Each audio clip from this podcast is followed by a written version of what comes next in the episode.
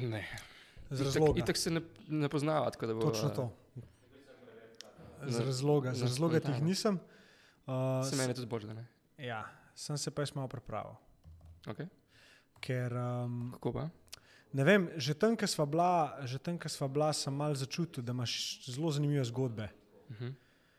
Uh, v rokavu pa sem si sam istočnice napisal, ka bi, da če slučajno kam odplavava, da vem, kam nazaj iti. Super. super. Ampak uh, je pa narava pogovora zelo tako. Uh, spozneva se varianta. Ne? Ja, sej. Tako da, Super. Se so sam videl. točno to. Sam videl pa mojih tisoč sabov. Ej, uh, až beja smo mi poštartali. Mene po moje drugače ratal tole klimo spet sposobiti. Jaz bi pustil vrata odprta drugače. Ja. Pizda. Drugače sam še Ja, gre, ja. Gre, ja.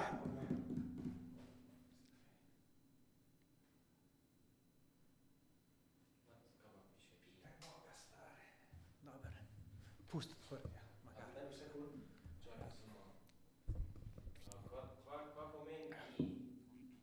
Empty. Error. Ponovadi je e-error. E, ponovadi ni dober, ja. ali empty ali pa je.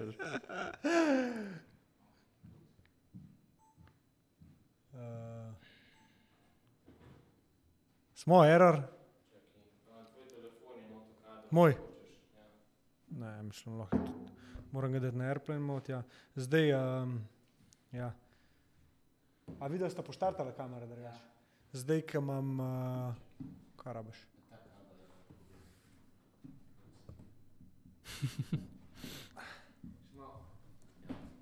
Zdaj, ko imam, uh, zdaj, ko imam ženo v zadnjem mesecu, a ne, Mhm. um, Pisa dva tedna še, ali koliko. Ja. je tri, ja. Tri.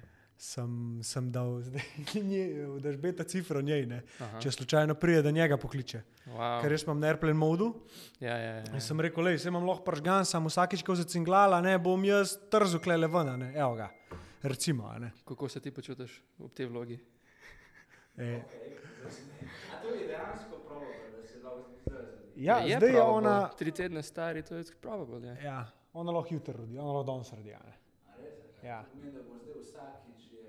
To, je, ja, to je big deal, imaš veliko odgovornost.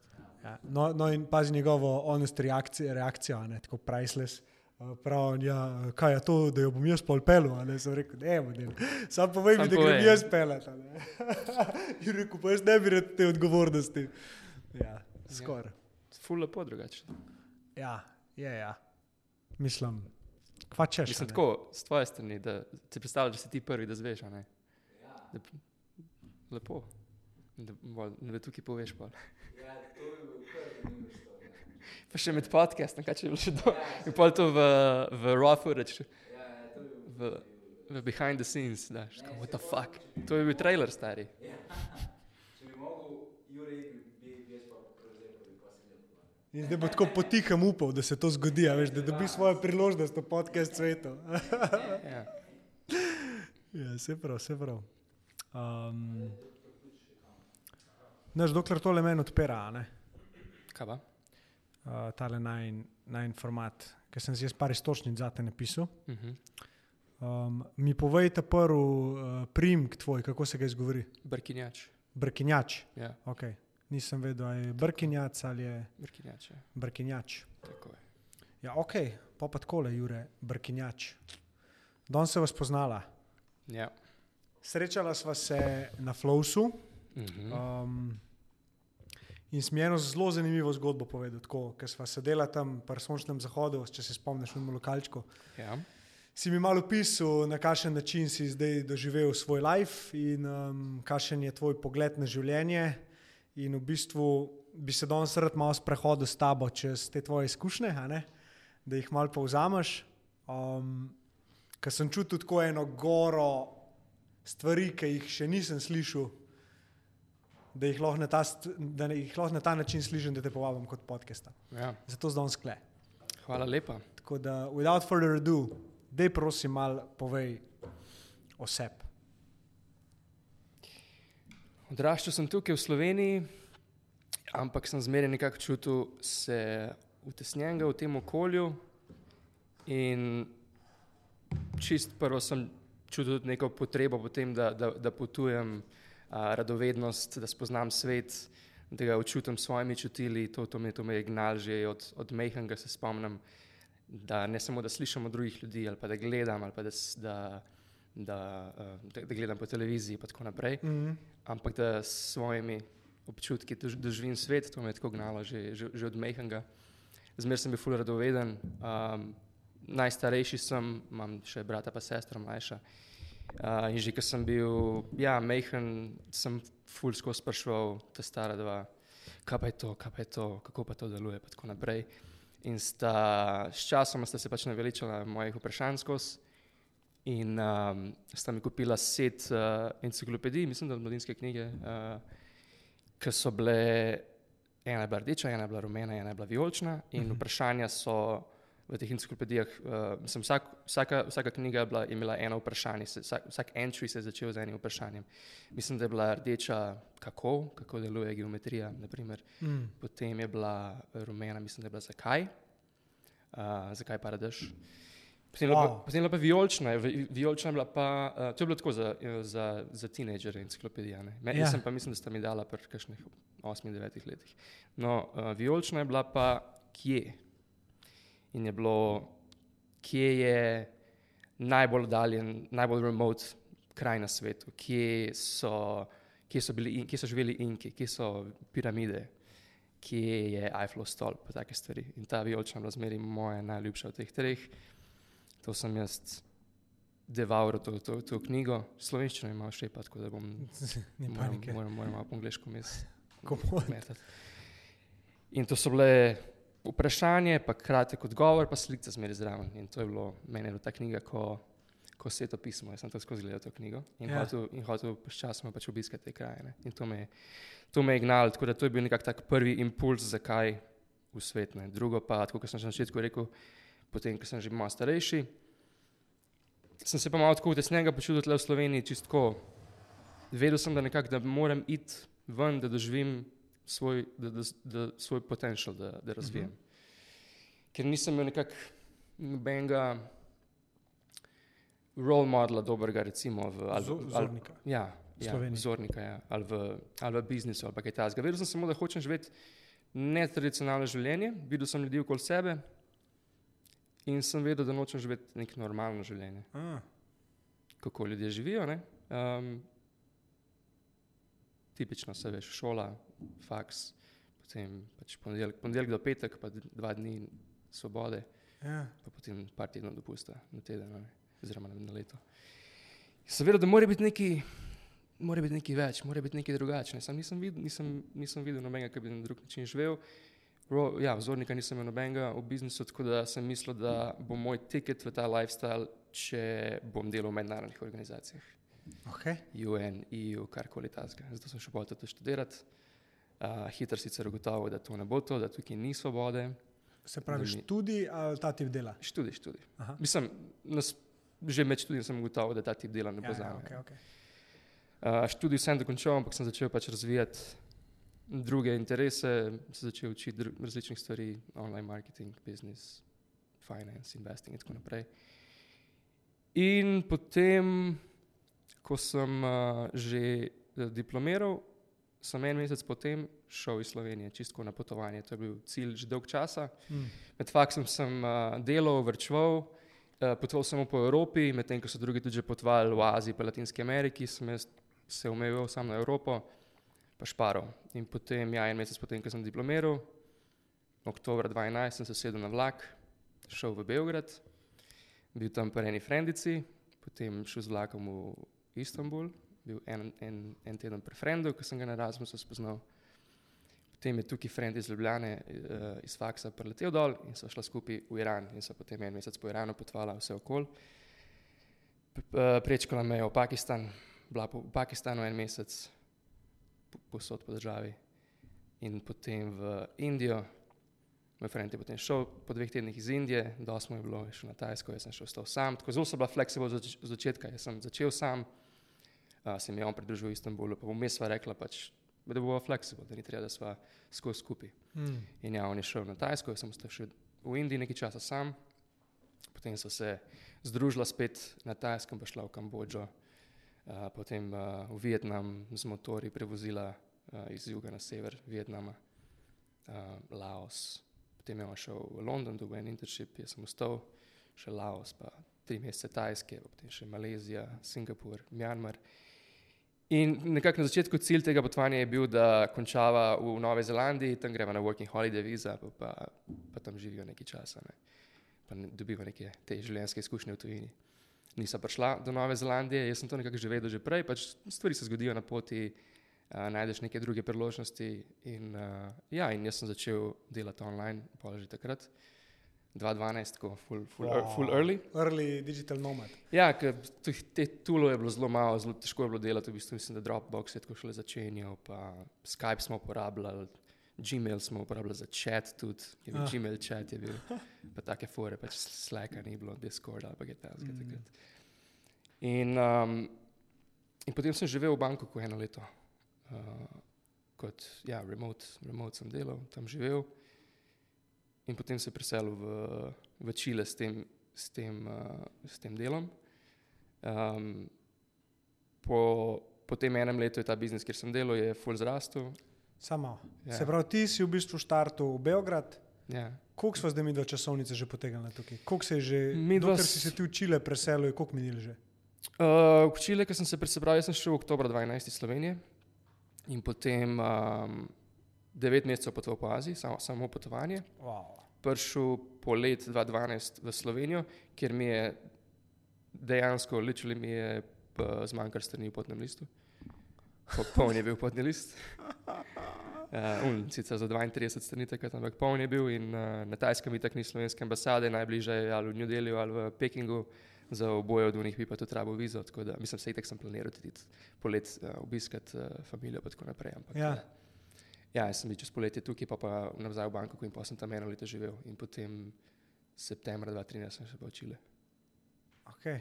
In v Čilu, v Čile si šel v bistvu zaradi uh, poslovne priložnosti ali si hotel tudi tako videti državo? Kaj te tja? peljalo? Ja, dobro vprašanje. Mislim, v Latinsko Ameriko me je vleklo že od srednje šole naprej, ker sem um, prvič slišal Buena Vista Social Club. O, ja.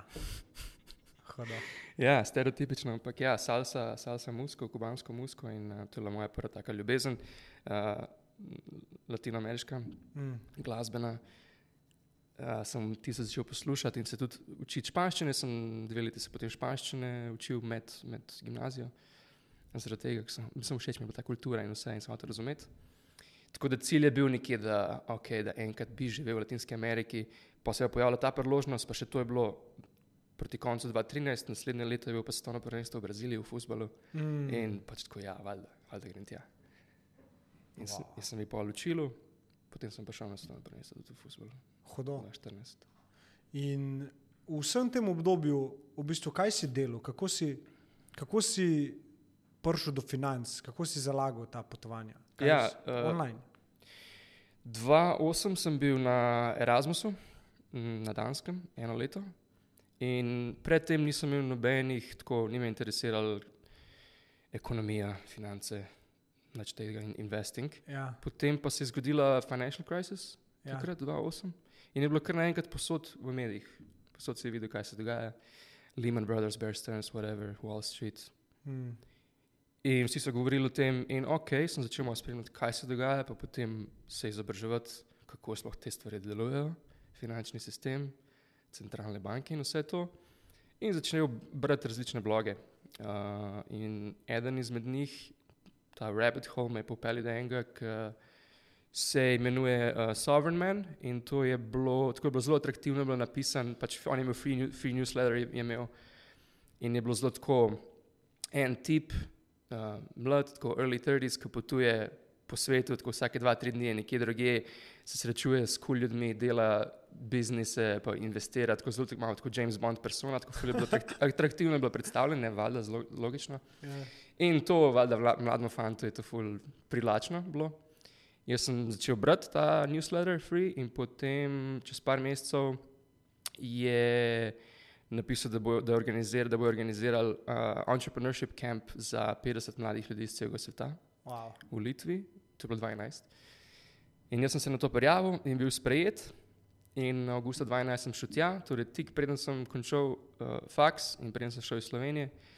In tisti je bilo tako prelomna točka, ker je bil full eye-opening, ker polovica ljudi, ki so bili tam, so že imeli svoje biznise, polovica so bili pa tako kot jaz, ker smo samo hoteli. Pač Mm. smo vedeli, da hočemo nekaj tasga del, delati, živeti.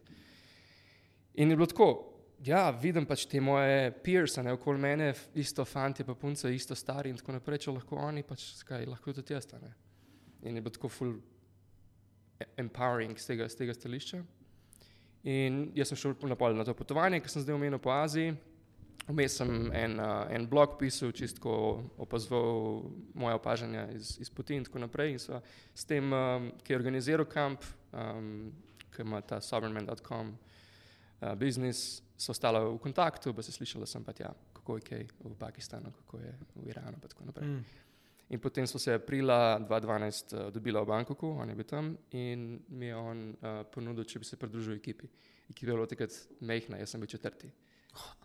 Hudo. Se bil je že uspešen biznis z finančnega vidika, ampak ki- ekipa je bila pa mehna, oziroma malo se je restrukturirala vmes, tako da ja, sem bil četrti. In to je pomenilo, da je bilo treba vse delati, ker produkti, kaj smo pa mi delali dejansko, ne smo pa ljudem um, uh, pomagali, kako diverzificirati svoje življenje uh, v smislu offshore banking, uh, company formation v različnih državah, uh, kako pridobiti uh, residency, prebivališče v različnih državah, pa sčasoma potem second passports, uh, investment opportunities worldwide. V bistvu international diversification, kako ne uh, imeti vseh jajc v eni košari. Mm. In um, ker je bila to mehna ekipa, je bilo to tako za enega tazga, kot jaz, ki ni imel res pojma o pojmu takrat še. O življenju, o profesionalnem življenju. Nič. In uh, je bil full uh, krivulja učenja, je bila full strma. Ne. Mm. Ful je hitro smo se, sem se učil, ker smo mogli veliko različnih stvari delati, od contenta, marketinga, vse operational stuff, zadeve in tako naprej. In na začetku je bilo to remote, to, ker sem živel v Bangkoku, vsi smo bili raztreseni po svetu. Uh, potem, ja, potem pa čez to leto smo se odločili, da bi bilo dobro, da smo kolo cedni vsaj del leta, da lahko malo bolj učinkovito delujemo. In uh, lastnik, ki je sicer američan, je imel en projekt v Čilu in smo šli v Čile. Mm, In to tako za nas je bilo tako, ja, whatever, neko super, tako kot sem že prej rekel, jaz sem niti hotel biti v Latinski Ameriki, mi smo bili vsi tako mladi, the best. Mi smo tam um, pač najeto stanovanje strani firme v najboljšem delu mesta, uh, five bedroom apartment, trije, trije tipi smo tam živeli, super je bilo, ne, delali. Uh, work hard, play hard. Ne. Čez teden delali, potem za vikende pa organizirali žurke pred doma, pa asado, barbecues in ful se pokonektali tam z ljudmi, ki so bili takrat v Čilu, od lokalcev do ekspetov in tako naprej. Koliko si bil to star? Uh, Ko sem se v cilje prišel, 26. 26, Ja, pismo lih prav. A? 26, ja. Pa, pa si že takrat, a si že takrat čutil, mislim, a si takrat čutil, da je to življenje tako, kot ga hočeš živeti, kot si si v mladih letih mogoče predstavljal, da bi zgledal življenje zate, se pravi nekonvencionalno. Mislim, jaz si tega nisem predstavljal, ker si nisem mogel tega predstavljati. Sploh, uh, sam vedel sem, da hočem drugače živeti, ampak ker sem pa bil v tem momentu, je bilo pa to Bilo to to. pika, ne, flow, totalno. Mislim, prvo že to, okay, da sem lahko živel mednarodno, drugo je to, da sem delal z nekom, ki je bil že full successful, tako side by side, ne z njim. In to je bil tak res invaluable men mentorship. Ne. Jaz sem tam štiri leta recimo z njim delal in to je bilo res invaluable. Uh, strani osebne rasti, profesionalne rasti, tako kot sem rekel, vse vrst- ful različnih stvari sem mogel delati, različnih hats sem nosil. Kako si na te odločitve gledal? Ker se mi zdi, da ko te poslušam, si slišiš vse to fucking easy. Verjamem pa, da ni bilo tako easy, ker se ti je to dogajalo. Ali je zate bilo? Se pravi, to, da si se ti odločil, da greš potovati do Azije Ja. in si se odločil, da boš zdaj z nekim človekom, ki si ga enkrat videl, štartil biznis oziroma se pridružil njegovi ekipi, iti ču v Čile, Ja, na ja, drugo stran sveta. ja. Kaj, kaj je šlo takrat po glavi? To me malo zanima. Meni se je zdelo, pa, da je easy, zato ker sem imel nek no North Star, živeti malo drugačno življenje, um, okusiti svet, uh, res live life to the fullest v tem, tem smislu. In se mi zdi, ko imaš nek tak North Star, potem vsaka, ko prideš do, neke, uh, do nekega križišča in se moraš odločiti ali A ali B ali pa več CD. Se pač odločiš, ali me, bo ta, pač pomisliš, ali me bo ta odločitev pripeljala bliže k mojemu cilju, k mojemu North Star ali ne. Mm. Odločitev A me bo pripeljala bliže, ne. In Tako je pol flowchart, se mi zdi pol dost, tako je v moje glavi, no, da, se, da je dosti pol enostavno. Če se mi ponudi neka priložnost, uh, recimo za to delo konkretno, ok, what's the worst case? ne, Pač, itak, nisem, to je bilo moje prvo delo, kadarkoli. V Sloveniji pač sem delal samo kot študent in to je bila taka prva opportunity, jaz sem vedel, da je to že us- uspešen biznis, da je ta tip, ki sem za njega delal, full uspešen. In ja, tako, what, kaj imam za zgubiti, če me lahko kdaj pridem v Slovenijo nazaj, pa poiščem službo. Zakaj pa te je kontaktiral? Zakaj misliš? Zakaj misliš, da si mu bil tako zanimiv, da ti je ponudil job? Ker sem prvo sem ostal v kontaktu z njim in so se razmeroma redno, vsake par tednov, ne vem, dva, tri tedne, um, slišala čistko. Um, ker, ker na tem, na tem entrepreneurship campu, recimo, jaz nisem veliko z njim govoril, jaz sem bil kar malo intimidiran, ker sem njega srečal. Ne. Tam je bil, koliko je on je bil, tako 32 star, um, pa že full uspešen, veš. In tako jaz pridem tam, pač noč, ne nobenega biznisa, noč, nobenih izkušenj. In sem imel intimidiran njega, njega, okoli njega. Ne. Mm. Tako da sem bolj malo z njim govoril, ampak sem pol, ker sem, se- ker sem se odločil tako že prej, da bom pisal nek blog iz, iz poti, sem tudi njemu poslal, hej, this is what I'm doing. You know? In on pač, ja, ful, hey, ful hudo, ful dober in pol sva v teh rednih stikih ostala. On je videl, da sem jaz, kaj sem pisal, pa nisem, ni bil to nek travel blog, a ne bilo je bolj tako, kaj jaz vidim, um, kaj se dogaja trenutno v Iranu, recimo, ali pa v Pakistanu, mm. tako bolj. Uh, Tak, s- social politika ali pa geo, ja, ja, ja. ja, pa ja. tako pa ekonomik, pa take fore. Malo tako, malo sem, v bistvu sem neza, nezavedno se mi zdi, sem malo kopiral njega. Mm. Kaj, je, kaj, je, kaj sem pri njemu bral, ne? ker ta, ta stil mi je bil fully všeč, kako je on to pisal. In uh, on je tukaj pač prepoznal, da, da imam nek uh, glas, oziroma da imam nek talent za, tudi za pisanje v, kon, v, končnem, v končnem smislu. In uh, v bistvu zaradi tega sem se pol pridružil ekipi. No. Kaj je bil tvoj job na začetku? Se pravi, ko sem bil četrti, je bilo full stvari različnih, ampak ok, content, Uh -huh. full sem pomagal s content, pisanje. Tukaj sem s časom sem res um, osvojil to, kakšen je njegov glas in smo imeli pač mm. tak unified voice, pač različne, ker mi smo v bistvu prodajali produkte, to, kar smo mi delali, so bili newsletteri, ne smo prodajali folko, subscriptions. Uh, potem pa še sem različne stvari od online marketinga, to smo vzpostavljali vse sisteme, email autoresponders, uh, full takih stvari. No. Ja, pa to je bilo res early za ta del. Ne? Mislim, Ja, če gledamo, kam se je Ja. pol to vse razvil, ja. pričakujem, da ste bili vi kar early adopteri, sicer bolj z, iz evropskega vidika, ne? če bi on američan, to se je tam že itak tam je že bilo. Ja. Ja, um, ampak deka, s čim ste se pa pol ukvarjali? Uh, mislim, kaj je bil, se pravi, core product, si rekel newsletter, da se je delal. Kako je izgledal tako, ne vem, vaš project work, working day tam učilo? Mi smo tako naprej, um, ker jaz sem s časoma pol postal tudi um, production director, pač skrbel za, za vse te premium, premium produkte, um, ki smo imeli različne produkte. Zgledali to uh, na začetku, mi je pač, ko sem jaz sam začel, mi je pač on, sva z njim o idejah govorila, o čem bi lahko pisali za, za, za naslednji uh, month newsletter in tako naprej. Smo pa v par mesecev naprej to naredili en plan in potem šli v research, pa mi smo imeli mislim, on je imel, pa sčasoma smo pol tudi, sem tudi jaz pol to delal, kontakte ful po svetu, od odvetnikov različnih do real estate agentov, karkoli je bilo treba te, v teh tematikah, ki smo delali, ne, corporate structures in tako naprej. In uh, na, na začetku, ja, sem z njim, sem večino, tudi kasneje, no, sem z njim to smo naredili plana, ne, kaj bomo, o čem bomo pisali naslednjih par številkah in potem je bilo pa, ja, research pa napisati, ne, ali pa, ja, ali pa updati, ki smo kdaj prej napisali, recimo o banking in Panama, pa se kaj spremeni mogoče, pa smo potem updatali naše stranke, ne, kaj, se, kaj se je novega zgodilo. In s tem si uh, ti dosti zaslužil, da si si pokrival lifestyle, ki ga hočeš. Ja, ja, seveda, to je bila Ja. pač normalna služba v bistvu. Okay. V bistvu to je bil tudi eye-opening, ker uh, že tako v štartu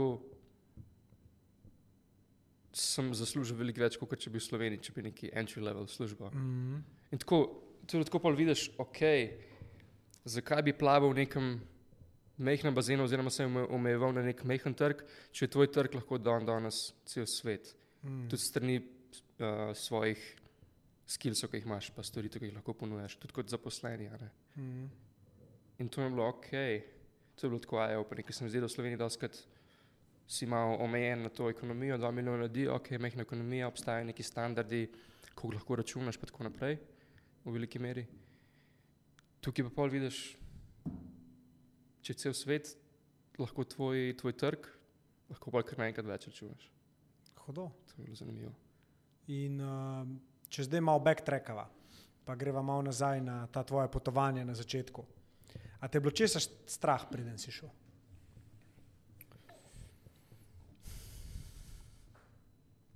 Mi, ko smo, mene je familija me pelala na železniško postajo, uh, mami pa mislim, da oče pa brat, ne, mami pa sestra pa brat, mislim, da. Jaz sem nekako vedel takrat, da, da je to to, da, da, da, da me ne bo nekaj časa, na obiske ja, ampak da, da je to nekako, ok, da se zeta, ne, to mene ne bo živeti tukaj nekaj časa. In sem se tudi začel jokati na tem avtu, ko smo šli, pa valjda tudi vsi ostali družina. Um, sem strah, da mi je bilo v trenutku, mislim, ki je prišlo do teh odločitev, treba sprejemati niti ne. Ker zmeri pomislim, tudi danes tako, kaj je najslabše, what's the worst case scenario, kaj najslabše, kar se lahko zgodi. A, če mi zmanjka denarja, grem domov, ne. Še zmeraj mi lahko, ali če, če, mi, če mi res zmanjka denarja, mi lahko starši pošljejo, whatever, uh, tako da pridem domov in pa je to to. Zdaj, kaj se ti lahko fizično zgodi, mislim, da ste bili tako lahko kjerkoli. Tako da ne vem, nisem. saj- Pa se po mojem fulabr, ker si mlad, da greš na, tudi tako potovanje po take bolj nevarne države, Mm. ker malo vržeš caution to the wind, pa pač greš ne. v Pakistan in tako naprej. Kako si doživel, če greva po vrsti, kako si doživel, mogoče Pakistan je bila prva taka, mal bolj drugačna država. Jaz bi mogoče z Iranom začel, ker je bilo Iran, tako. ja, no, ja, Geografsko je Iran, bila prva dejansko, ja. res drugačna. Mm, Videl sem bila tam en mesec s frendom in jaz še danes rečem, da je to so najbolj prijazni ljudje na svetu, ki sem jih kadarkoli. Moj, imel moj najboljši prijatelj je šel tudi v Iran in mi je isto stvar rekel. Isto stvar. Ker prvo je full mal turistov, mi smo videli v enem mesecu, po mojem, kot deset drugih turistov, pač proti travelerju. In drugo je, zavedajo se dobro Iranci, kakšen, sloves, ima država v tujini. In zaradi teh kombinacije teh dveh elementov hočejo prikazati državo. Res, mislim, prvo so radovedni, čim pride nek tujec, hej, nimamo jih veliko, ne pride jih veliko, hoče s tabo govoriti, čeprav angliščina je zelo slaba. A Drugo pa pač hoče pokazati, ja, da ni to, kar vidiš v medijih, to je Iran. To je politika, ljudje so pa drugi. Mm. In je bilo res ne, ne, neverjetne izkušnje. Recimo, mi, da sva, ko smo začela, uh, prvo mesto, ko so bila, ta briz, in tako smo že prej si zrihtala, bova couchsurfala in so res couchsurfala v enem paru. Že tam je bilo super, um, je ta par povabil prijatelje, pa smo imeli večerjo skupaj, pa tako naprej, zelo tak domače vzdušje, ful lepo. Potem uh, drugo mesto, uh, recimo, je bila pa ena ful zanimiva zgodba. V Tabrizu so bila, to je tako na 2200 metrih nadmorske višine, pa november je bil in je padel sneg. Ne, ne predstavljaš si, verjetno, da je tako v Iranu, da imaš sneg, ampak ja, imaš. In um, mi dva smo hoteli iti iz Tabriza do Kaspijskega jezera.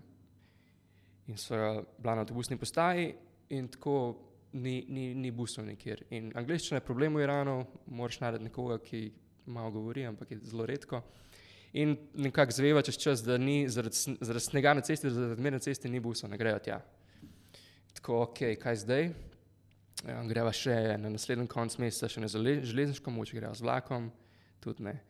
In pol tam že tako popovdne, malo eh, tavava, obupano po železniški postaji, pa naj vidi en, eh, en gospod, pa tako le naredi, pa se smeji in eh, samo pokaže z rokami, naj, naj mu slediva. In uh, naj je pelil do svojega uh, internet kafeja, to smo še uporabljali takrat. So internet kafe, so, so bila stvar takrat. In je bil to internet kafe in, njego, in je bila tam njegova žena, ki je pa govorila angliško in nam je rekla, da lahko uporabljava internet za stojn, da lahko si najdeva prenočišče in tako naprej. Ne? Mi dva počnemo uporabljava. so na internetu, um, ki je v Iranu sicer zelo, zelo slab, uh, pač ful počasen. Pa Mhm. itek vse te zahodne stvari so blokirane, Google, nimaš Facebook, tega. nič ni. Ne. In uh, potem čez čas, uh, pa ona dva, ona dva, kar rečeta, oziroma ona, ki je govorila angliško, prita z nama in sta naj ona dva kar pelala okoli po mestu, šli smo na čaj lepo, večerjo, potem sta pa pelala naj v eno podzemno, uh, podzemno prostor, ki so včasih shranjevali led. So, po zimi so led dajali dol in potem čez, čez leto ga imeli dol v, na hladnem, da je zdržal ne dalj časa. Zdaj je pa to en prostor, kjer je en tip stare perzijske inštrumente obnavljal. In smo imeli privat šov tam. Oh, hudo. On je imel tam neka dva pomočnika in različne inštrumente so nam igrali, pokazali, kako deluje. In jaz, ko vidim na steni slika njega v, v UN, v Združenih narodih v, v New Yorku, pač on, on ni kar ena. Ne. Perzijski inštrumente obnavlja in mi, mi smo imeli tam, smo imeli pač privat tur, pa šel, full hodo. Pol sta pa še pelala na k njima domov in sva tam prespala. Pač to je tak primer iz iranske gostoljubnosti. Vzela sta si čas, ne bilo treba, sta naj pelala po mestu in gostila naj jo doma. Tako neverjetno. In vidva sta pač zaupala dobroti teh ljudi. Mislim, a si začutil dobroto? Ali, Ja. ja? Ja, ja. Videl se je. No. Mislim, Ja, ja, pa, pa je tudi, res je pa tudi, ne vem, da imam nek dober, se mi zdi, judgment glede ljudi. Mhm.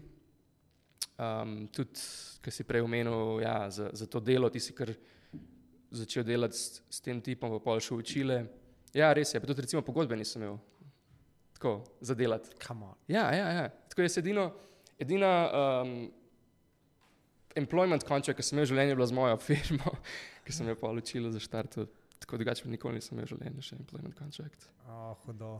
In zdaj, ja, lahko to gledaš, da je zelo reckless. Ampak po drugi strani pa zmeri se mi je dobro išlo. Ali je to sreča, verjetno tudi. Ali pač imam nek tudi dober feeling, kako prebirati ljudi. Po mojem kombinaciji. Kombinacija, ja, Kombinacija kombinacija. Ne, mislim, jaz tudi, že, ko sem te spoznal, sem začutil tako nekaj drugačnega pri tebi, tako tak, tako mirnost. Tako, um, Kaj je čisto vse en, kdo jaz sem, pa da smo se tako sam srečala in da zdaj uno. Bo videla, kam bo ta trenutek šel.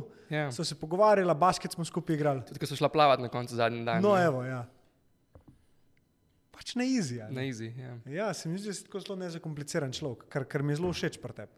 Um, pa te Hvala. ne poznam, ful dobro, veš, Ja, ja, ampak ja. ja. feeling, recimo, to, kar si zdaj govoril, o feelingu ljudi. Ne. Mm. Tako da po moje, da. Ne, jaz sem mislil sicer, da ta feeling pri meni je dober, zato ker sem pač um, spoznal ljudi, ki so me zajebali ali pa ne, so, so bili taki, ki so iz, zaupanje izkoristili. Mm. Ampak v bistvu ne, v bistvu, če se res dobro poslušaš, um, ti inteligenca kar pove. Vidiš neke red flags, Pač vidiš. Ne. neka intuicija ti pove. Ja. Po mojem, Je še zmeri odvisen lahko no, se zgodi, da ti Ja, kdo- itak, itak, itak. Je pa odvisen od človeka do človeka. Ne? Ja. Um, iz Irana sta šla pol, kjer je bila prva, kakšna taka država, ki se ti je kakšna taka zgodba zgodila, ki je tako world sharing. Kaj bila še ena zgodba, tudi v Iranu. Uh, sva, sčasoma smo prišla v Tehran.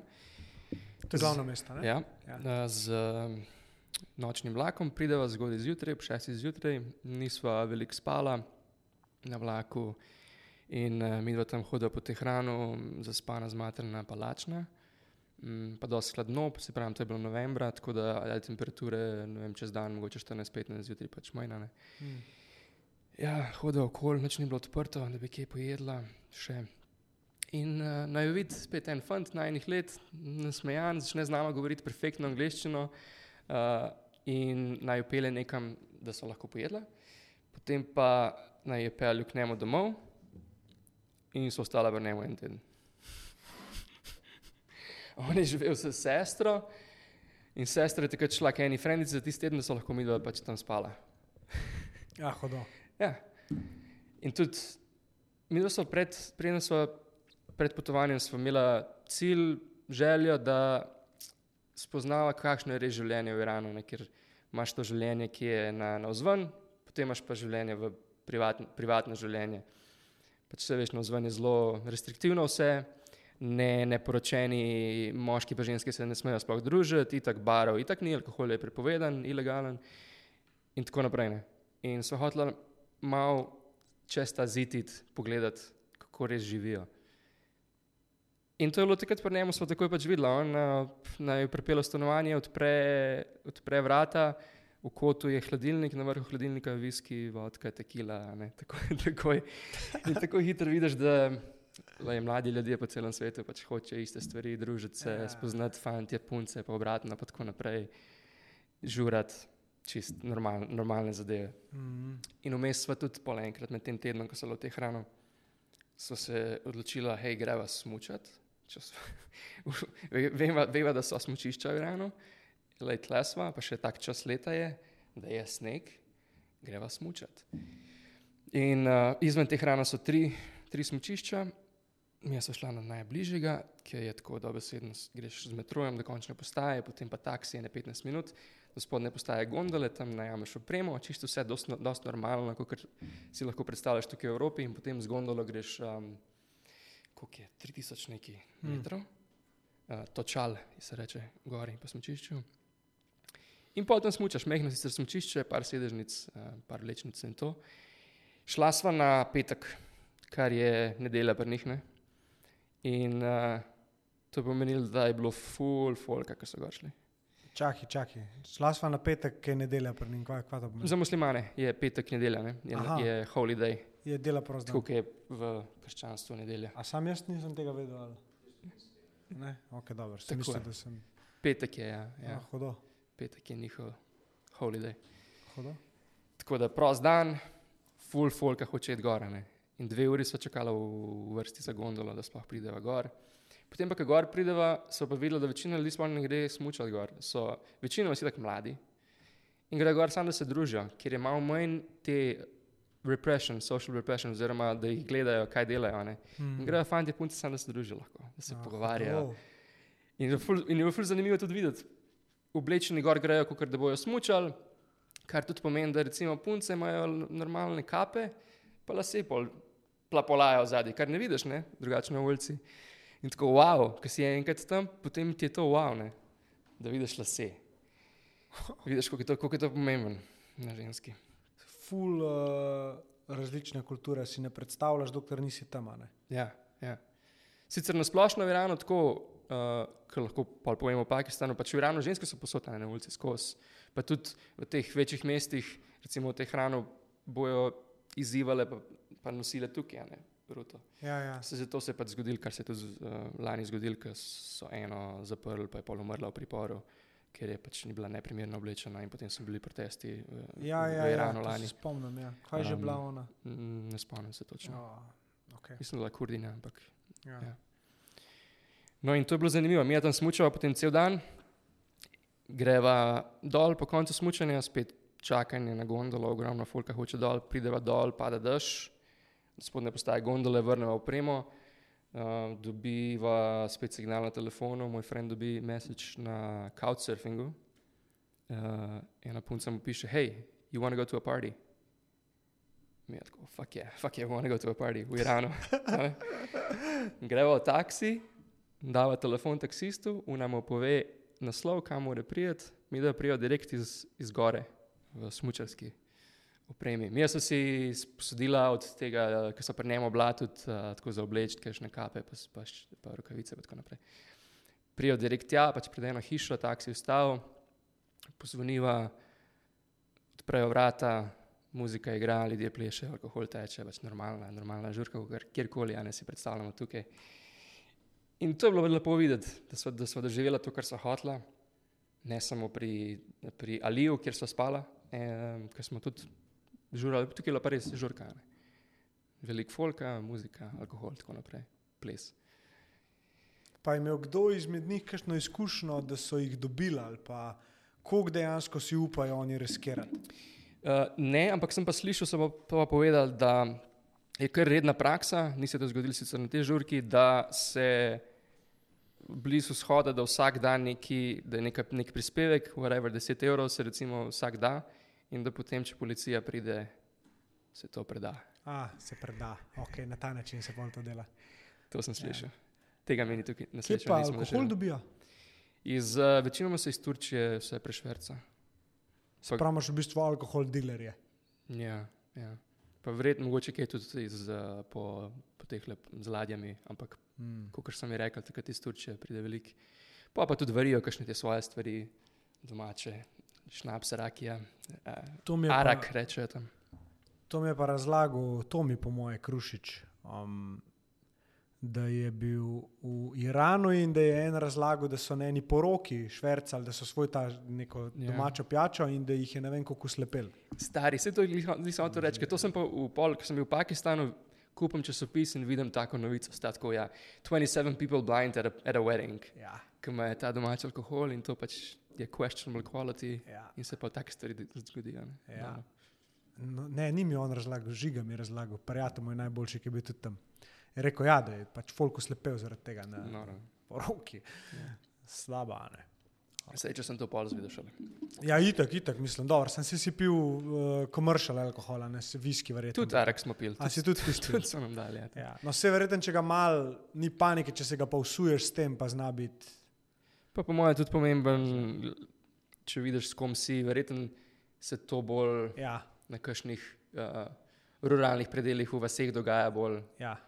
Te, ki so bili pa, ker to je severni Tehran, je tak uh, bogat del mesta Aha, in tudi taki so bili tam ljudje, oziroma Mhm. te fantje punce, ne. Mm. hiša je bila pač lepa, velika. Ne. In verjetno pač oni si pridobijo kaj bolj kvalitetnega. kva pa uh, tobak, uh, čiki, kadijo oni. Ja, ja, kaj je? Ja. Bi rekel več, kot mi, ali mislim, kot mi, ka, Ne, ne, ne, ne. več. isto. Imaš pa tudi, seveda, ker je zraven Afganistan, pač hašiš. Ja, ja, ja. Uh, Je ja, popularen, večinoma hašiš, mislim, trava tudi. Ja. velik tega. Nisem, Mislim, nisi izkusil, verjetno. Mislim, smo tudi izkusili, ja, ampak ja, ja, ja. Uh, ne vem, koliko je pa po- po- pogosto.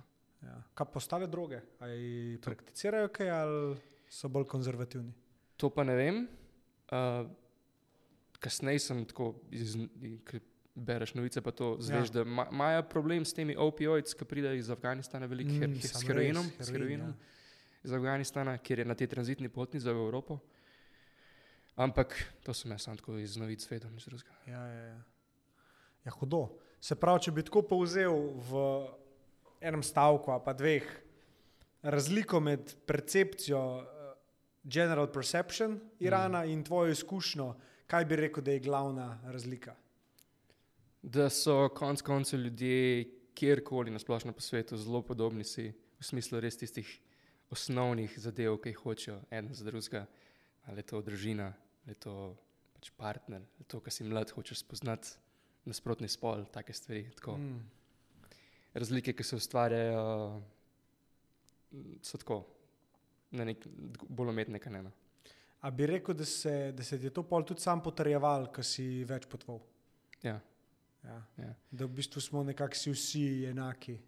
Uh, Podobni, ja. ja. Podobni. Sicer je pol velika razlika, recimo naslednja država, ne Pakistan. ja. Tisti je pa res čist, ker recimo Iran je še, vidiš neko to kontinuiteto tako iz Evrope, pa tudi dost, ne zgleda tako drugačni spet, kot mi. In vse tam je dokaj normalno, infrastruktura in vse tako, ki ima revnejše, lahko, ampak uh, dokaj tako, poz, poznano. Potem pa prečkaš v Pakistan, je pa, je pa res velika razlika. Že, že, že na meji, vsa ta infrastruktura tam na iranski strani, kot sem rekel, je ja, nekaj normalnega prečkaš v, v Pakistan, se pa asfaltna cesta konča, pa je samo še, ker to je edini mejni prehod med Iranom in Pakistanom, je v Baločistan puščavi, mm, blizu meje z Afganistanom v bistvu. Ja, in prečkaš, in potem se konča asfalt, in je sam še pesek, Pesek. pesek puščava. Tam ti pasporte pogledajo v neki um, temni uh, mud hut, glineni taki strukturi. Uh, potem mi dva so bila spet s frendom edina v bistvu uh, tujca, ne pakistanca, iranca. In takoj so mogla k, zelo prijazno na, k šefu policije tam na tem ob, obmejnem postu, spit, spit čaj lepo k njemu, vse, vse v redu. Potem sem mogla pa še to na, na, na, pakiska, na pakistanski strani je potem en mehen kraj, Taftan, čist malo ljudi, ne vem, po mojem, tisoč kitajskega, nizke hiše, eno nadstropne, take zelo sive, bele, načke, nač, nač, puščavske. Mm. In sem mogla iti tam na, na policijo, da se prijaviš spet mm, kot, kot tujc, ker potem od tam uh, vzameš bus, ker naslednji prvi kraj, kamor greš, je Kveta, ki je pa tako 24 ur, 25-26 ur uh, stran z busom. In zato vožnjo z busom moraš ti tam najeti um, obraženega spremljevalca. Svojega. Ja, kjer je ta Baločistan, to je zahodni del Pakistana, ima tak low level of insurgency, se pravi, so ljudje, ki tam živijo, um, nekako borijo proti centralni oblasti v, v, ja. V Pakistanu. Ni neki zdaj open eh, civil war, ampak se pa dogajajo stvari. Tako da je to obvezno za vse tujce, da naredijo in mi, da pridemo tja na, na policijsko postajo. In to je ena taka stavba, uh, enodstropna z dvoriščem na sredini. Mi, da pridemo tja, naivna, z back, back, backpacki, stopva noter na dvorišče, na drugi strani dvorišča nas gledajo zaporniki, tako, čez rešetke. Sem tako obraze, vidiš. Oh. Tako, ok, kje so zdaj? Zdaj, zdaj, so, zdaj pa nismo več v istem svetu, kot je poznan svet, kot je bil še Iran, recimo, Oh, zdaj pa to nekaj drugega. Potem tam dava svoje podatke, uh, pri pr, pr policiji nam dodelijo enega obrženega spremljevalca, ki je bil, do, do tukaj je bil, ampak je imel pač uh, kalašnikov.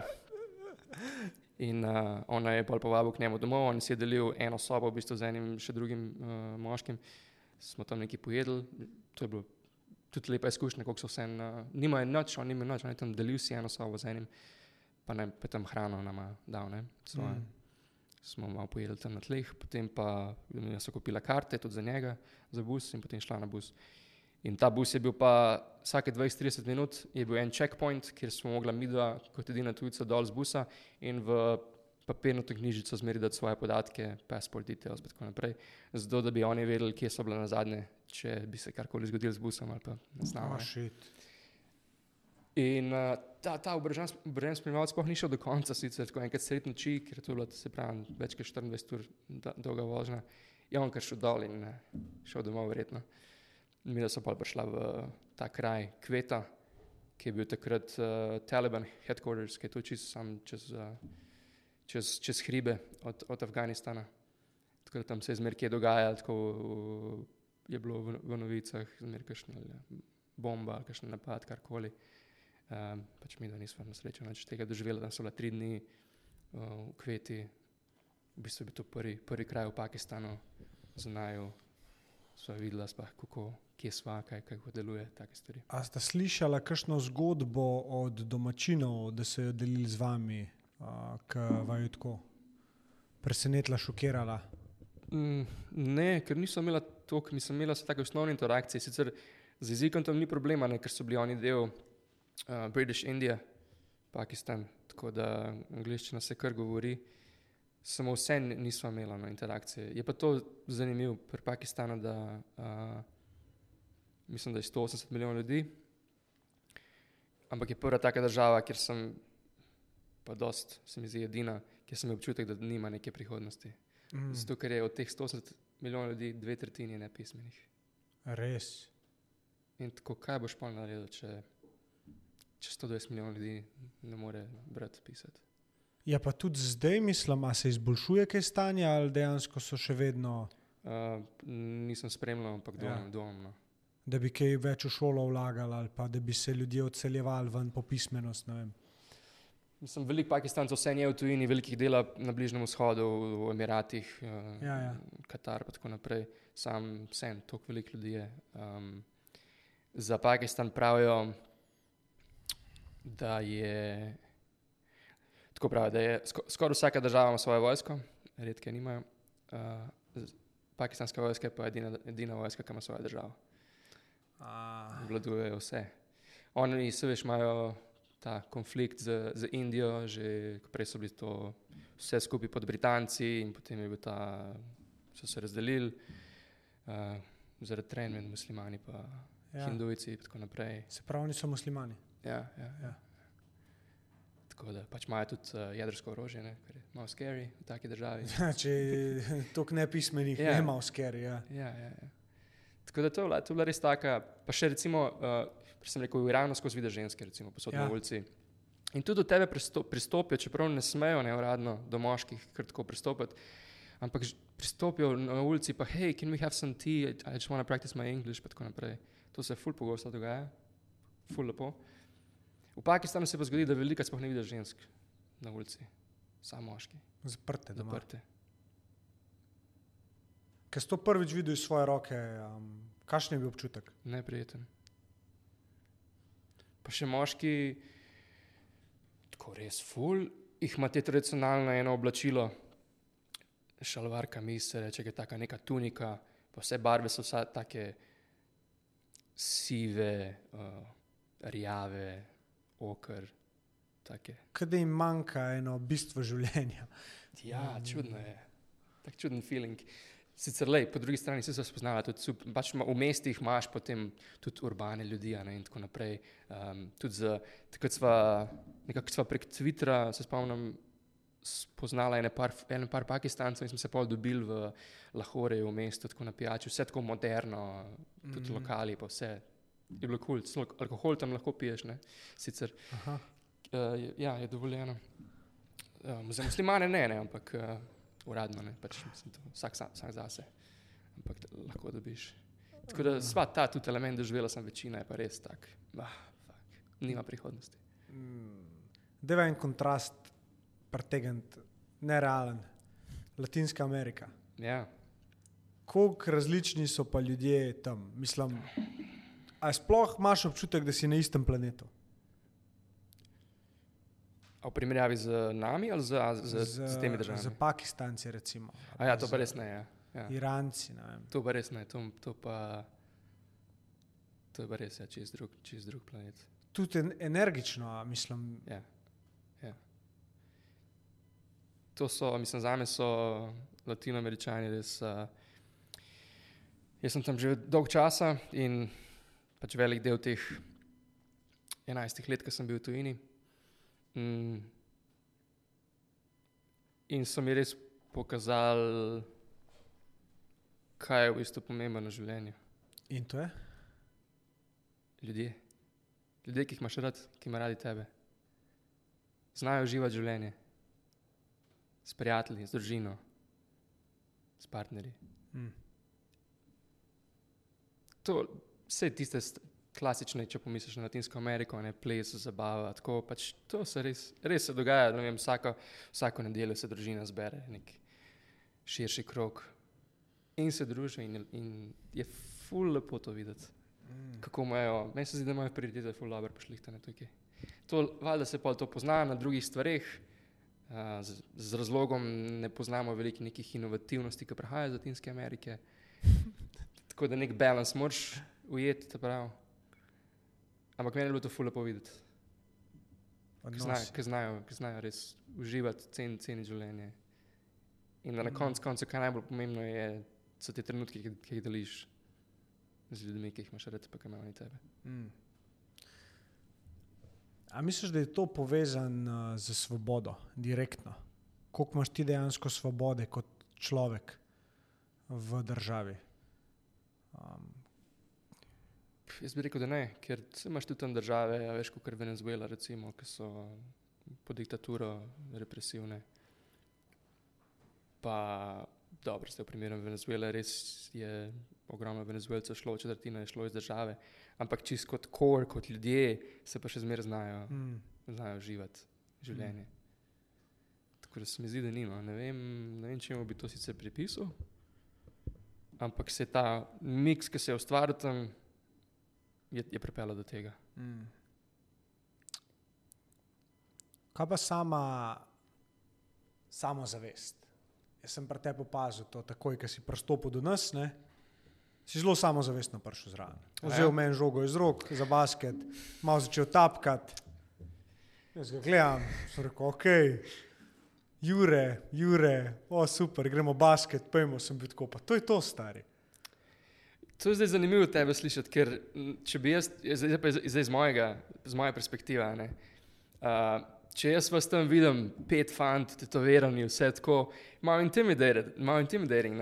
Ja. Uh, ampak eh, ne vem, jaz sem videl tam žogo in uh, nekaj se je v me- meni zbudila. Veš, in jaz si tako sem še zmeraj otrok, ko vidim žogo in tudi mislim, da sem 20 let star, pa tudi na, na igrišču. to. In uh, ja, pač sem rekel, da je malo žogo, da malo zavrtim na prstu in tako naprej. Ja, ja, ja. Mm, ja, pa smo šli pa igrati. Je zanimiv, ker um, ne vem. Druga, drugače, jaz A- a ne bi bilo- mislil, da, veš, da sem ful samozavesten. A res ne? Ja, ja, ja. Kaj sem imel tako občutek, pa sem te hotel vprašati, kaj bi svetoval nekomu, ki ni. Ne, jaz ne bi rekel to. Sploh. Ne, ne. Oh, hudo. Ja. Mislim, dale, dale so ti pa neke te izkušnje, verjetno, ker si šel v svet, ker si spoznal nove ljudi, pač tam ne moreš biti lih. To je pa res, miška, ker, ker si velik v, izven svojega comfort zona, to je pa res. Uh, ja. In potem ta svoj bubble malo razširiš, oziroma comfort zone. Ja. In si malo bolj comfortable. Ampak čist konkretno v socialnih situacijah je še zmeraj, so doskrat imam ta social anxiety. Ne bi, se, ne bi rekel, da se počutim samozavesten. Zdaj, fully odvisno hudo. tudi od um, s, s kom sama. Ne. Čist neka neopisljiva, nek energy, nek vibe, z nekaterimi lahko takoj zavajam, Mm, prvič spoznam, z drugimi ne, tako da tega je tudi odvisno. ja. Jaz mislim, da je tvoj energy zelo lep. Hvala. Zakaj misliš, da je tako? Fak, da bi sam to odgovoril, težko. Uh, Kot si prej že rekel, ki si opazil, ja, miren sem, to pride malo že po naravi, malo tudi, pride tudi um, po stoik filozofiji, pa mentality, ki sem spoznal, pa, pa bral o tem. Uh, sam nekako je že bilo tudi natural to meni. Uh, in potem sem videl, da ja, sej, je kar tak dober operating system za, za, za živeti, da ne skrbiš za stvari, ki niso uh, v tvojem kontroli. kontroli, ne? da jih spustiš, skrbiš samo za tiste, ki so. Tako da to bi jaz rekel. A imaš kakšno tako, um, lepo, da si stojke omenil. Mm, so zelo lep balans, nekem Ja. ja. takem spiritualitiju, pa igrivosti, pa otrokov tepa. Ne? Ja, ja. Um, zelo ti dajo lepš, še, lepši, še lepšo priložnost, dajo, da to res dobro izkusiš v življenju. Ne? Mhm. Ker imaš drugače načeloma stvari pošlihtane Mhm. in si lahko to pravoščeš. Vsaj tako jaz vidim. No? Mhm. Uh, kaj, kaj od kakšnih stoičnih uh, rekov oziroma modrosti uh, je nekaj tazga, kar je ratal tudi tvoja, ne vem, kako bi rekel, življenjska miselnost? Ja, ta, ki sem že omenil, je definitivno najbolj pomembna. Pač ne skrbeti za stvari, na katere ne moreš vplivati. Hmm. Osredotočiti se na tiste stvari, na katere lahko vplivaš, kar velikrat pomeni na novice, pa neka širša družbeno-politične stvari. Um, nekateri bodo rekli, da mogoče to ni najboljš. Ne vem, jaz uh, preseb gledam, pa vidim, kako se počutim v tem. Ker jaz, ko sem bil mlajši, sem velik, sem, jaz sem bral skozi časopise, medije, uh, na koncu koncev sem- sem šel študirati na FDV te stvari, tako skozi sem spremljal. Še zdaj pač rad, uh, me zanima, kaj se dogaja po svetu. Ampak da me pa to pa ful skrbel, oziroma da bi bil upset glede tega ali pa frustriran, ja. Zakaj? Pol druga, druga ena stvar, stoična, ki mi je fully všeč, je tudi uh, fear setting, kar smo malo že prej govorila. Se pravi, to, kaj je najslabša stvar, ki se ti lahko zgodi. In si jo probaš predstavljati, predstavljati, predstavljati viz, vizualizirati. In pa kar naenkrat ni več tako slaba. Ok, če recimo, konkretni primer, če uh, veliko um, v zadnjih dveh letih sem veliko ljudi, pa prijateljev srečal, ki so bili, so mi rekli, hej, I'm thinking of you know, quitting my job, ne, ne čutim več, da je to to. In jaz sem vsakmu rekel, ja, do it, quit. Mm.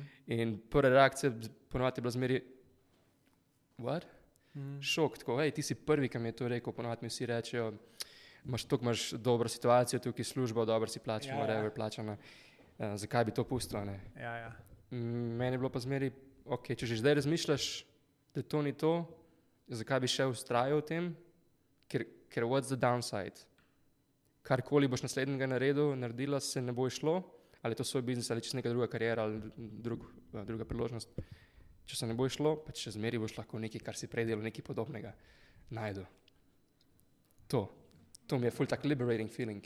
Fully liberating, bravo. Res. Um, jaz tudi ogromno tega zdaj dobivam. Veš, tako, po eni strani dobim DM, kao, hej, ful mi ni všeč v tej službi, rad bi nehal, istočasno pa sam ne morem nehati. Ne. Mhm. Ampak tako, kot si ti rekel, pač ja, nehi. To je to.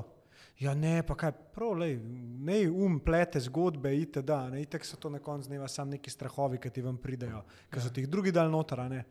Pač kaj je najslabša stvar, ki se ti lahko zgodi? Ja, to, da boš mogel pač nekako sfajtati čez mesec, par mesecev, tri, Ja. štiri, pet mesecev. Ja. Sicer valjda se to zmeri, rečem vsakmu, vse fajn je, da imaš uh, neko, nek safety net za par mesecev, kot si Ja. rekel, ne? Ja, kar pač vsak nek finančno odgovoren posameznik bi mogel imeti. strinjam.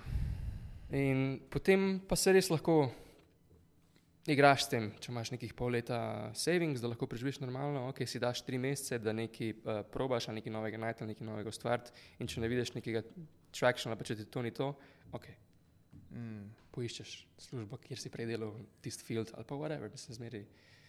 Ja. Tako res, res, res, worst case scenario, kaj še zmeri lahko, a, če živiš recimo sam, pa ne moreš pač, uh, ali imaš cimra ali pa familije, tako worst case scenario, pač mm. res, worst case scenario.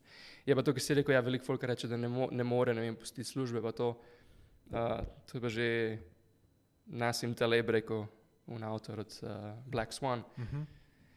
There's two things that are uh, the most addictive in the world heroin and a monthly salary. Yep. Ja, in je resnica, star. Jaz, se, jaz, ki sem se odvajal od mesečne plače, ne, um, ni luštena. Ne. Ja, Ni lušten. Jaz sem Da. bil navaden dobiti lepo plačo. neki re redni prilivi, vsak mesec pride. Kar naenkrat je bila nula, Ja, ja, ja. ja. pa naslednji mesec nula, Mhm. pa naslednji mesec nula od novega denarja. Ne. Hvala Bogu, sem si našparil, sem imel neke take stvari, ampak ja, Ja, ko vidiš, da se savings topi, topijo, je pa točno to. a ne. anxiety inducing. Ja. In pol sem v enem mesecu zaslužil, ne vem, 9 ur, a ne, ker sem eh, prvi workshop razprodal takrat letos, kdaj je bilo to, marca, aprila. In sem bil tako, uf, to je pa dobro. Pa sem pa naslednji mesec ugotovil, da nisem jaz zaslužil v bistvu 9 ur, ampak sem zaslužil 9 ur v sedmih mesecih. ne. Ja, ja, Kar pa ja. spet ni veliko. Ja, ja. In se tako pač eh, čez glavo ti grejo take zadeve. Pa, uno, pa še zvedel sem, da je Ana noseča, ne, pa si tako, no, ok, a boš lahko. Ali zdaj sem mi povedal, Ana, jaz te takrat raj nisem povedal, kakšna je situacija, Ja. ker sem mogel jaz iti čez to kot ne vem, nekdo, ki se zdaj postavlja na noge Ja. in, in, je- in je rata, ne, hvala Bogu. Čestitke za to. Ja, hvala. Sploh zato, da si res, ko pričakuješ otroka, to pa Ja. ful, ful težje, še imaš to odgovornost. Pismo, ja, ampak veš, da ti bom čisto po pravici povedal, meni je ratal čez ta proces čez dalje lažji. Zato, ker se mi je dejansko dogajalo luno, česar sem se bal. Okay. Kaj, če naslednji mesec spet nič ne zaslužim? In nisem. Kaj, še kar sem kle, še kar diham. Še kar pač čez dalje bolj mi je v bistvu, ker čez dalje bolj delam tisto, kar bi rad delal. Ampak je kle ta element sacrifice, torej žrtvovanja. Pač ne moreš kar vsega imeti. Ne? Mm. Uh, je treba, je treba pač žrtvovati določene zadeve, da si ti nekaj zgradiš. In, in ja, klej sem te hotel vprašati, kako si ti svoj biznis štartal. Uh, ta proces, če me mogoče lahko peleš čez njega. Ja, uh, jaz sem po. Jaz sem delal štiri leta po tistem Cybermanu, ki sem prej rekel, ki smo pomagali ljudem, International Diversification. Po štirih, po šti- po štirih letih sem se malo naveličal tega dela, pa tudi ni bil več challenging. Jaz sem bil druga oseba v biznisu, bil je lastnik, pa potem jaz. In tudi ni bilo neke poti očitne naprej, da bi še, še rastel v tem Mhm. smislu. In sem, uh, sem pustil službo. Um, nisem pa imel še plana konkretnega, kaj naprej. Imel sem naseven, to, da sem uh, lahko še preživel in sem si vzel v bistvu gap year, year off uh, in sem potoval. To, Ja. si, to si bil v Čileju, ko se je to zgodilo. Ja, v Čilu, v Čilu sem živel ja, in, in Ja. ja. pustil, uh, vse smo se na, do, do, na dobrem končali, razmerah ja, in ja. tako naprej. Okay. Ja, in um, potoval, uh, bil v, v Evropi čez poletje, potem pa šel spet v Azijo, um, pol leta tam še, še drugič z motorjem prevozil Vietnam, pa sever Tajske, pa Filipine in tako naprej. In med tem enim letom, jaz sem sicer pristaš tega, da ne skočiš takoj v neko novo zadevo, Ja, ampak da pustiš malo, da se ta um, vakum, ta praznina zapolni. Uh, s stvarmi, ki vidiš, da so itak v tvoji glavi, pa začneš razmišljati o stvarih, ali pa da se ti neka priložnost pojavi. Kot se je tukaj, recimo pri meni, nisem imel nobenega konkretnega plana. V, in potem v, tem času v Aziji je prišla ideja za startup. Uh, jaz sem bil v Bangkoku in uh, zvedel za eno aplikacijo, jo začel sam uporabljati. To, bilo, to so bili popusti v restauracijah, glede na čas dneva. Um, se pravi, če si predstavljaš ob 4-5, ki ni nobenega restauracije, pač restauracija da 50% popusta, 40-30, tako gradual popusti, um, da privabi ljudi takrat, ki ni, ki ni nobenega. Jaz sem čisto kot user to uporabljal, mi je bilo fenomenalno tam v five-star hotele v Bangkoku hodil na buffet lunche za 50% popusta, super izkušnja. In potem čez čas začel razmišljati, hmm, I want to take this to Latin America tam sem že preživel, tam sem imel že residency, prebivališče, poznal ljudi. Um, pa še bil sem takrat, z, to sem potoval z eno, z eno punco, s Čilenko, ki smo skupaj. Jaz se vprašal, ne bil tam iz Čila.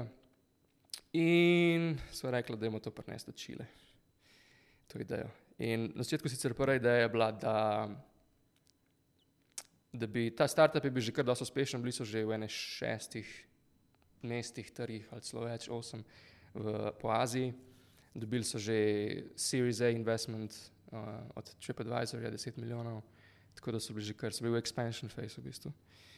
In prva ideja je bila, ok, mm, da mi uporabimo njihovo tehnologijo, ki jo že imajo, mi pa naredimo sam business development na drugi strani, ampak pod drugim brandom uh, v, v Latinski Ameriki, pod drugim brandom, zato da nimajo oni reputational risk, če mi zajabemo stvari, Ja. uh, pa tudi denarja nobenega nočemo od njih, tako da nimajo tudi noben financial risk, v bistvu bili nek silent partner. In sem jaz napisal e-mail uh, CEO-ju, ki je bil en uh, švicar. Uh, bil je, subject line je bil, ta startup se je imenoval Itigo, se še zmeraj obstaja. Meni se zdi, no, nisem pogledal zadnje čase, ampak mislim, da še zmeraj. Does Itigo want to be a part of this? Question mark. Je bil subject line in uh, sem povedal to, kar sem zdaj tep, kakšna je ideja. In smo se dobili z njim, pa z še enim tajskim co-founderjem na, na kosilu. In oni so rekli, ja, zanimivo, kul, cool, to, to bi bilo zanimivo za nas. Potem pa, kmalo zatem so pa oni dobili še eno 10 milijonsko investicijo od TripAdvisorja, Series B. In ta komunikacija je postala vedno bolj po- počasna. In smo videli, da kakršna koli odločitev, ki je bilo treba sprejeti, bi oni mogli tek dobiti odobritev od TripAdvisorja, ki je publicly traded company v New Yorku, te so headquartered v Bangkoku, mi bi pa bili v Santiago, se pravi, že ta komunikacija bi trajala tako Ja, ja. minimalno 48 ur, če ne 72. ja. In smo se pa odločili, okay, da bomo vse naredili iz nule sami. In smo naredili aplikacijo sami, uh, potem uh, tako kakšne sedem mesecev, uh, da smo MVP naredili, pač vse čisto od začetka, od logike aplikacije, kako deluje, pa tako naprej. Potem launchal januarja 2018 z petimi restauracijami, v takem zelo koncentriranem delu mesta v Santiago, in potem začeli počasi valiti to kroglo na zgor proti hribu, uh, pridobivati več restauracij, userjev. Mm, Sčasoma smo, a, po pol leta smo v en accelerator program vstopili, Startup Chile, uh, kar je bilo full Dobiš finance, seveda, uh, 40 tisoč dolarjev, približno takrat, plus um, kontaktov, full um, povezav z komerkoli hočeš, v bistvu, pa tudi z investitorji, in tako naprej. Hm. Uh, pa še ta social aspekt, da si z ostalimi founderji, kar je, ker pač biti startup founder je zelo taka osamljena izkušnja. Mm. Takrat je bilo že tako, pač potem, po, to je bilo eno leto, eno leto potem, kar sem jaz uh, pustil, smo začeli delati na startupu. Mm. Mm. Okay, zdaj po enem letu, zdaj finance so malo že ni- nizko, ne. In delaš od doma, nim, socialnih okroglih nimaš, ker ne hodiš veliko ven, ker si ne moreš privoščiti. Ja, ja. In je tako zelo tak lonely feeling. Ne. In pol, Mhm. vsaj, ko smo bili del tega, del tega accelerator programa, smo saj imeli druge tudi founderje, smo z Mhm. njimi lahko se družili, pa delali smo v co- coworkingu, tako da to je bilo fajn. Ne, To še kar furaš zdaj? ne uh, jaz sem to potem pred tremi leti prodal svoj delež. Aha. Mi smo prišli. Um, se pravi, naj, tukaj največje delo je bilo pridobivanje restauracij. Mi smo bili platforma med userji in med restauracijami. Ja, ja. Za, userje, za user, user acquisition je bil za nas dosti easy. Kjer je prvo zastojna aplikacija, pol je full atraktivno, ješ s popusti do 50%, mm. tako da naši pač Instagram, Facebook ads so bili restauracije s 50% off. Ja, ja. Ful atraktivno, pa še tako v- zelo je bilo viralno, če gremo štirje jesti na rezervacijo, pa zdaj samo jaz vem, trije pa ne, zdaj še ostali trije pač vejo in potem se je full hitro Ja, to ja, širilo. ja, ja. Pa taka feel good story je tudi bila, ker um, to je bilo glih v času, ko so bile vse te delivery platforme, so bile tam dol in so fajtale se med sabo za market share. Šest ogromnih delivery platform, od uh, Uber Eats, pa, pa Glovo, pa, pa še ostale, pač Rapi, ena ogromna tam v Ju- Južni Ameriki. In to so pač tam metal denarne, uh, da so za user share, Glovo je sčasoma šel recimo iz unga marketa, kjer uh, jim ni znesel. Mm. Mi smo pa, se pravi, naš nek message tudi je bil, um, vsi hočejo zdaj, da si ti, da ostaneš doma, pa gledaš Netflix, pa naročiš pico. Ne? Naš, kaj pa mi hočemo, je, da pa greš v restauracijo, pa se družiš s svojimi dragimi, Ja, ja, z ja. družino, s prijatelji. Kar je tudi za Latinsko Ameriko, tako kot si prej rekel, bil Ja. dober USP. Ja, ja. Tako da smo bili z tega stališča drugačni. Tako da za userje je bilo to ful atraktivno, zaradi tega smo se pa tudi v medijih dosti pojavljali. Tako da smo prišli do tega, da smo bili sedma najbolj zlodana aplikacija v food and drink kategoriji O, hudo. v Čilu, s tem, da smo imeli tako res tiny, tiny budget uh, za adce, pred nami so bili pa McDonald's, Starbucks, Uber Eats, Rappi, Burger King. Ja, ja, ja. Tako neverjetno je bilo, tisto, tisto video, da smo mi pa tako number seven.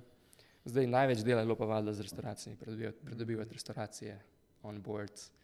Ful je konzervativna, konzervativna business culture splošno v, Mm. Čilu, tudi v Latinski Ameriki. Pol pa še restaurant industry je zelo taka, vejo, ka, skozi, že skozi delajo po nekih standardih ja, ja. in zakaj bi spremenil. Pa še zelo imaš tako različen spekter med eh, restauracijami. Imaš ene, ki so family-owned restauracije, ki že 30 let obstaja, Mm.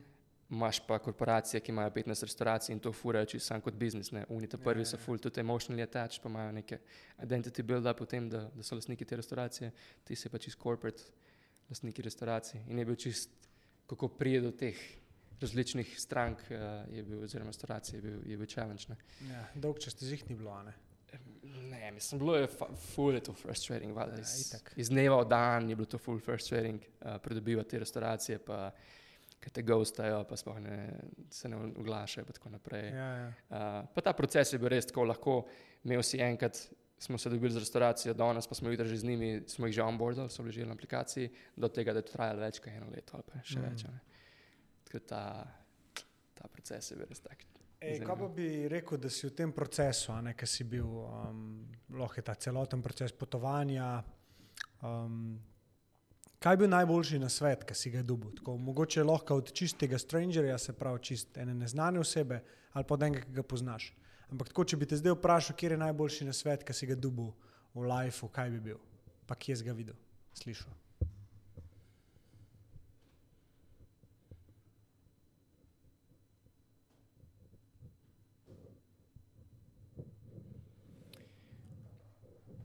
Moče je bilo dva. En, lahko sam ponovim tisto, kar sem prej rekla. Pač naj te skrbi samo za tisto, kar lahko kontroliraš za drugo. Ne? To sem Mhm. tudi slišal konkretno. Uh, druga je pa, v bistvu iz ene knjige pride. Uh, knjiga, ki sem prebral samo po moje prvo poglavje, pa prvi dve, in to je bilo dost, ker je meni tako, je tako lučka se pržgala. Tako, wow, ok. Nekako sem videl, da sem že živel na ta način, kot je ta knjiga govorila, ampak to mi je pa res tako besedil. In ta knjiga je bila uh, Finite and Infinite Games. Mm, od Navara Vikanta? Ne. ne, ne.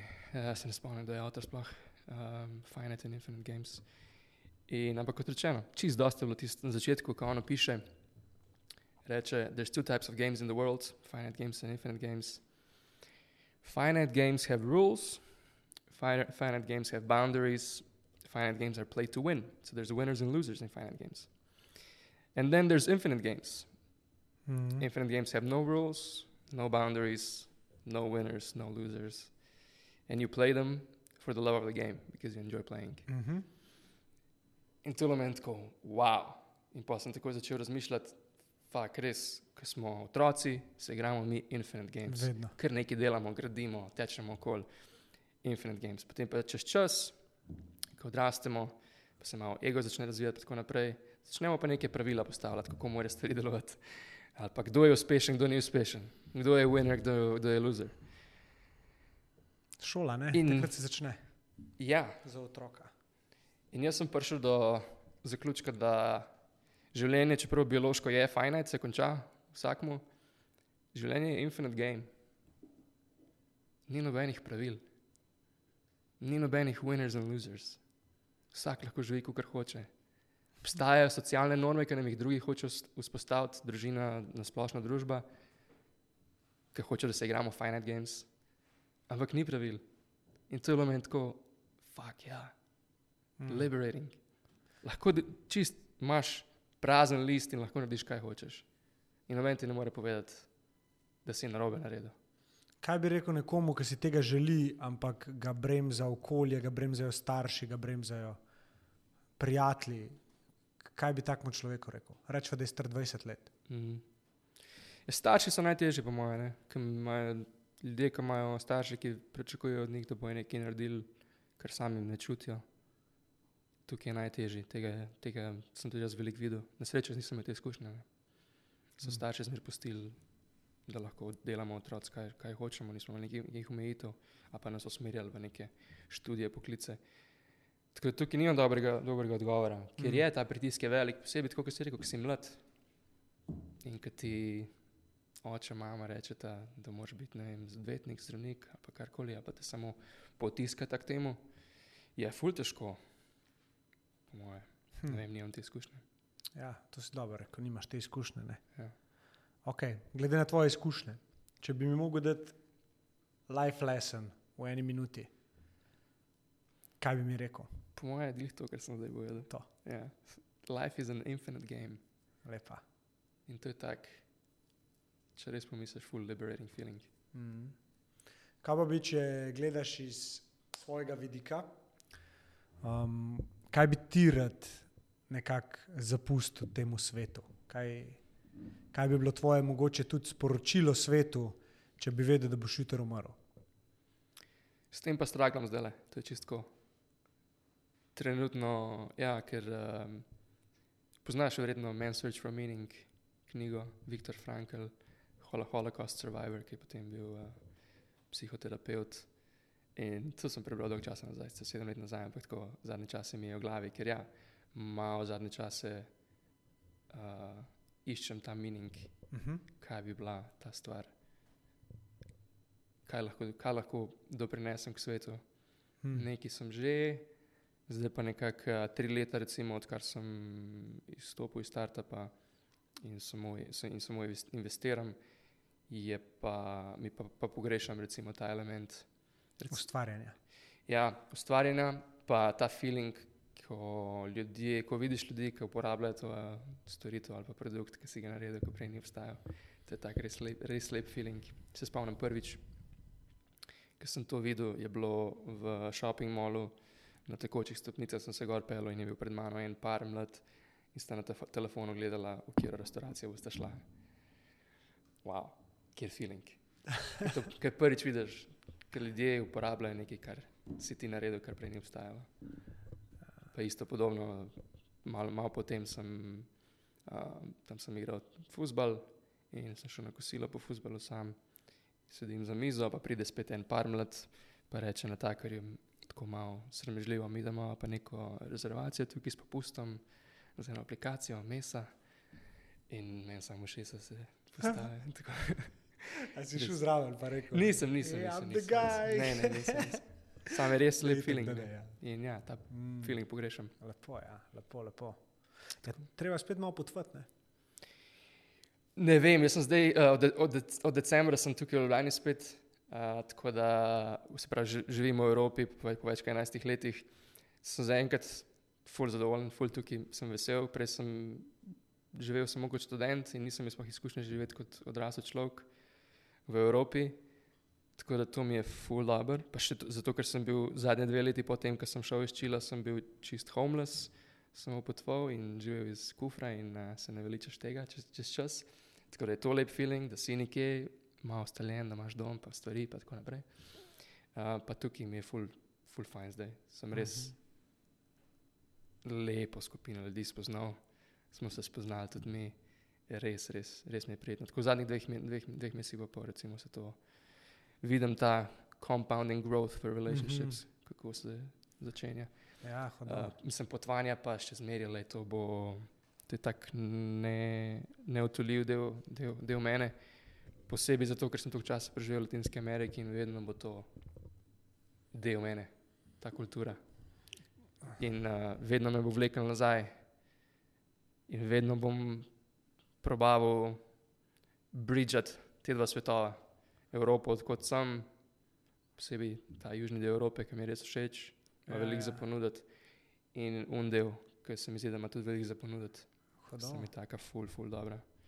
Tako da še zmeraj se vidim deliti življenje med, med tema dvema regijama. No? Ali pa Mhm. nasplošno med Južno Evropo in um, tropi.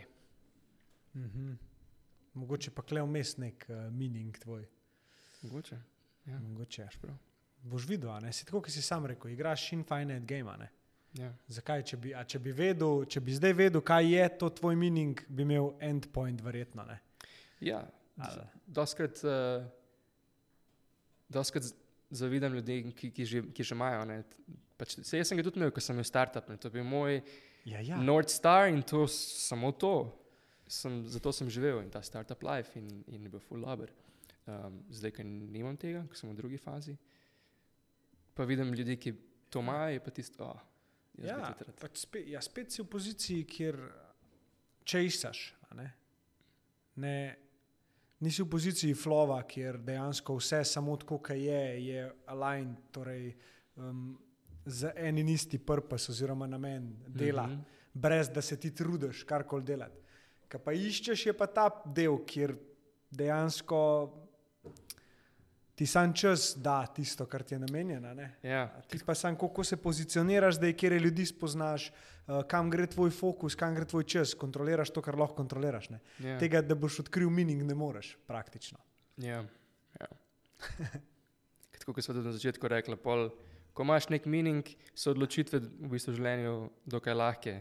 Samo, a me bo to pripeljalo bliže temu cilju, ja. ali ne. In ja. čist flowchart, gre naprej. Ne. Točno to je. Medtem ko ga iščeš, je pa tako, ja, si pa ladja na oceanu brez nekega cilja, samo pač moraš. Uh, po mojem, moraš pač veliko stvari nekih probati. Ja, pa jaz Ja. mislim, da ne smeš preveč eh, predaleč v prihodnost gledati. Tudi to. Um, ena, Matthew McConaughey ne, je imel a poznaš, Kater speč je bil? ki je dubo, po mojem, da je dubo Oscarja, ne vem, je bilo za Interstellar, zakaj je bilo. In je rekel, da um, on konstantno lovi nekoga, ne. Ampak te osebe on nikoli v življenju ne bo ujel, zato ker je to on čez pet let. Mhm. In ko bo pet let minilo, bo on spet lovil sebe čez pet let. ne. Mhm. In da je to edina oseba, ki jo on lovi, da niš drugega. ne. Mhm. Uh, in lih teh pet let se mi zdi, da je lih še tok, da si rečeš, ok, v redu, kako bi si želel, da takrat zgleda? K- Ja. kaj bi takrat rad imel, kaj bi delal itd. ne. In nekako si lahko predstavljaš. To je dober exercise. ne, Tudi, Ja. uh, tega se spomnim, ko sem bil mlajši, sem mogoče ga bi mogel zdaj spet narediti. Uh, five year vision v bistvu. Uh Mhm. -huh.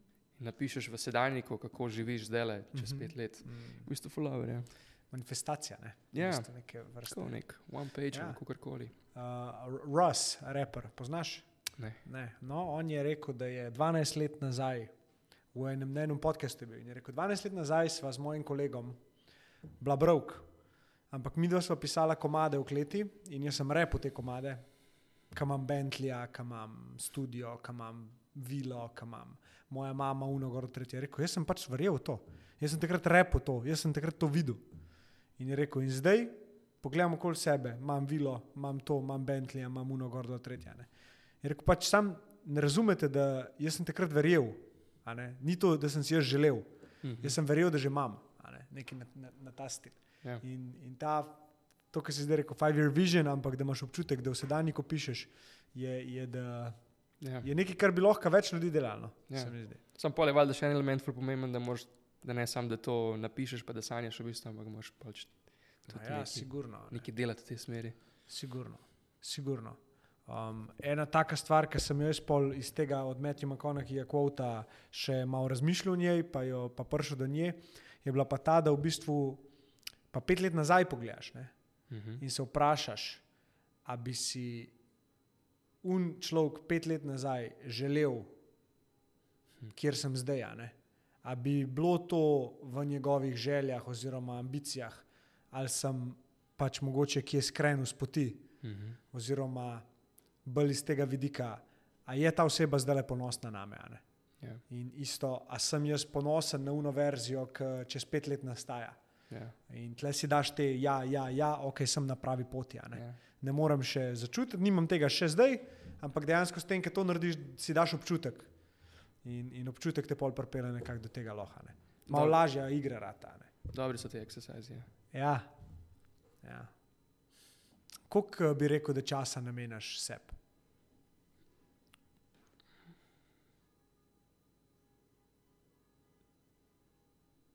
Um, težko odgovoriti, ampak bi rekel, da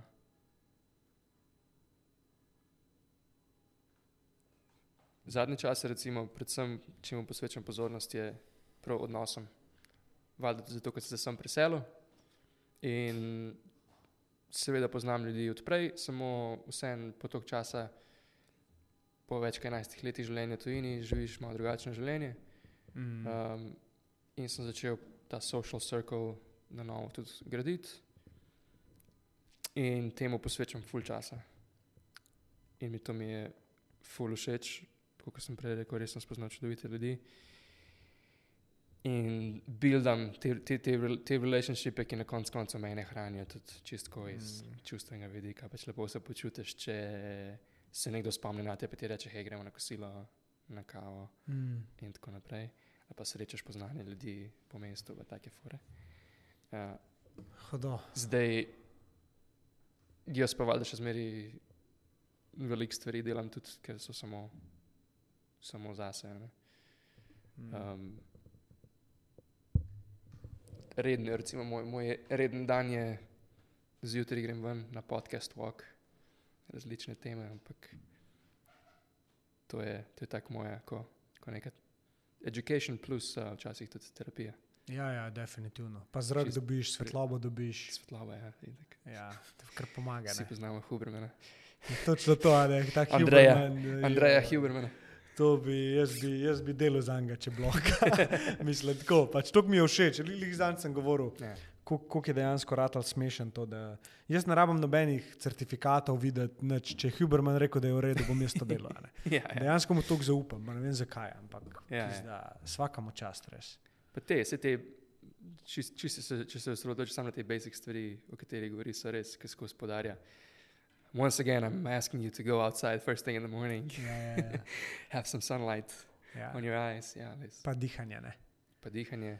Pa to že zad- zadnjič, ja, koliko je eh, dokazano, koliko, eh, sam da si v zuniji, da preživiš eh, vem, dve, tri ure na dan, koliko zmanjšuje eh, depres, depresijo, depresivne ja. stopnje. Ja. Tudi- Sploh v naravi, ne, ne, ne Ja. ja. na mestu to, kam Ampak že samo v zuniji, tudi, če v tudi če je oblačno, kaj šele, če je, če sonce. sonce.